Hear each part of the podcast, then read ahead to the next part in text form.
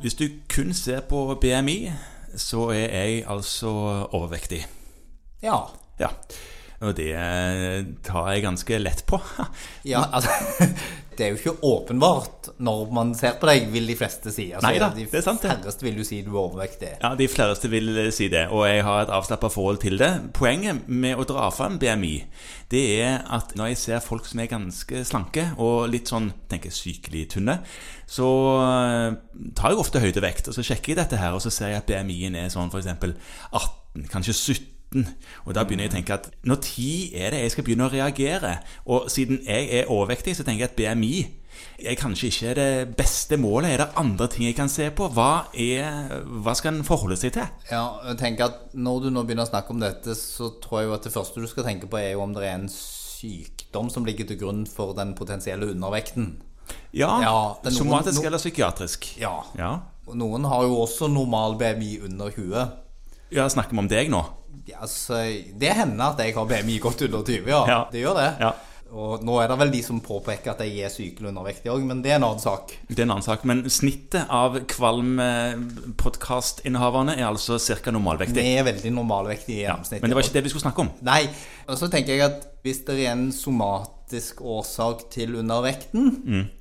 så er det en ting. Da har du i det minste en somatisk årsak å korrigere på. Som du kan jobbe med.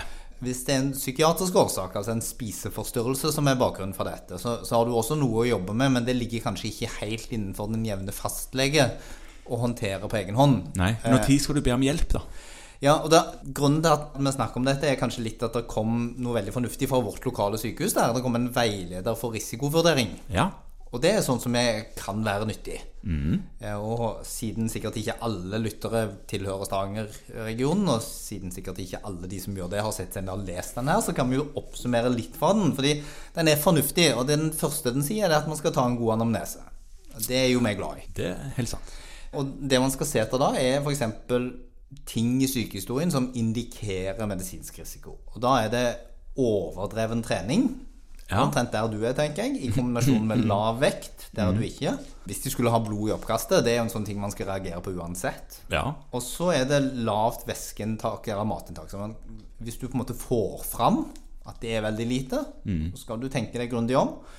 Eh, Og så er det en ting som jeg syns kanskje var veldig nyttig, og det er at hvis de har hatt et objektivt raskt vekttap ja. mer enn 15 i løpet av de siste 3-6 månedene 15 på 3-6 måneder, ja. Ja. mhm. ja.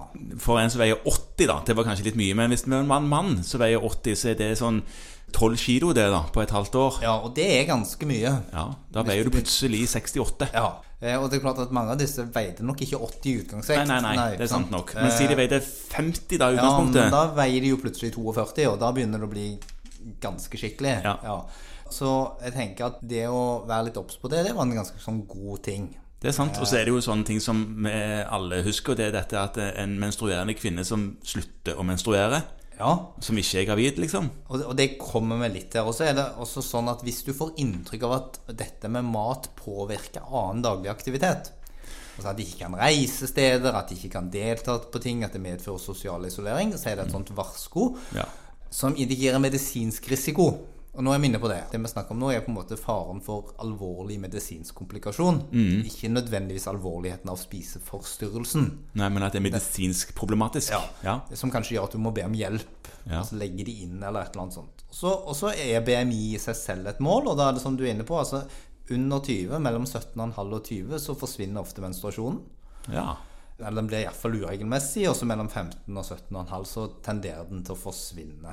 Men det er jo ikke menstruasjonsproblematikken man er ute etter. Det, når tid er det alvorlig spiseforstyrrelse? Har de et BMI-mål på det? Mm, Ja, de sier at den er alvorlig hvis BMI er under 15. Ja. Og kritisk hvis den er under 13,5. ja, da, da ja. Hvis du lurer fortsatt da, så eh, ja. Ja, og hvis den er under 15, så sier de at da begynner alle kroppens organsystemer å være i fare. Rett og slett. Eh, Og hvis den er under 13,5, da anbefaler man døgnbehandling. Ja. Og det kan jo være litt sånn tommelfingerregler å gå etter. Ja. Hvis den er under 12, så er den livstruende. Igjen så blir jo dette litt sånn avhengig av For som du er inne på, så er det sånn at BMI i seg selv er ikke et kjemperobust mål. Altså, Nei. Hvis du er veldig, veldig høy, så slår den annerledes ut enn hvis du er Det motsatte. veldig høy. Så, så det må man på en måte tenke litt på. Ja. Og så skal man være obs på noen ting, og det lister de også. Og det er lurt at man kan bli lurt av BMI. Ja. Mm. For det man ofte gjør, er jo at man veier pasienten på sitt eget kontor, for man stoler jo ikke på de tallene de kommer med. Nei. Men noen av de har jo da drukket to liter vann før de kom inn. Ja, og veier to kilo mer pga. av Ja. det. Ja. Og det er jo da Det får enorme utslag i den tabellen. ja, ja. Altså, Spesielt hvis du ikke er så høy. Nei, ja. Eh, og så er det også sånn at alvorligheten øker hvis vekttapet er raskt. Ja, Så da er vi tilbake til disse 15 på seks- tre Ja. til seks måneder. Mm. Sånn at hvis det faller fort, så, så gjør det det. Og så skal man huske på at hvis det er pasienter som har bulimi, så er det en del andre ting som kommer inn. De kan få ganske alvorlige elektrolyttforstyrrelser, f.eks. Ja. Og så er det sånn tannhelsegreier.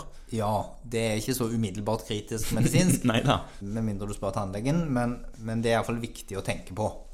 Og så kan man gjøre en medisinsk undersøkelse, og det er jo sånn blodtrykk, puls og noen orienterende blodprøver. Men også muskelstyrke, dehydrering og tegn på generell underernæring. Ja, Dehydrering. Altså, hvordan, altså klinisk med, med, med hud. Ja, tørr konsistens hud og sånne ting. Mm. I verste fall stående utfolder og så Ja.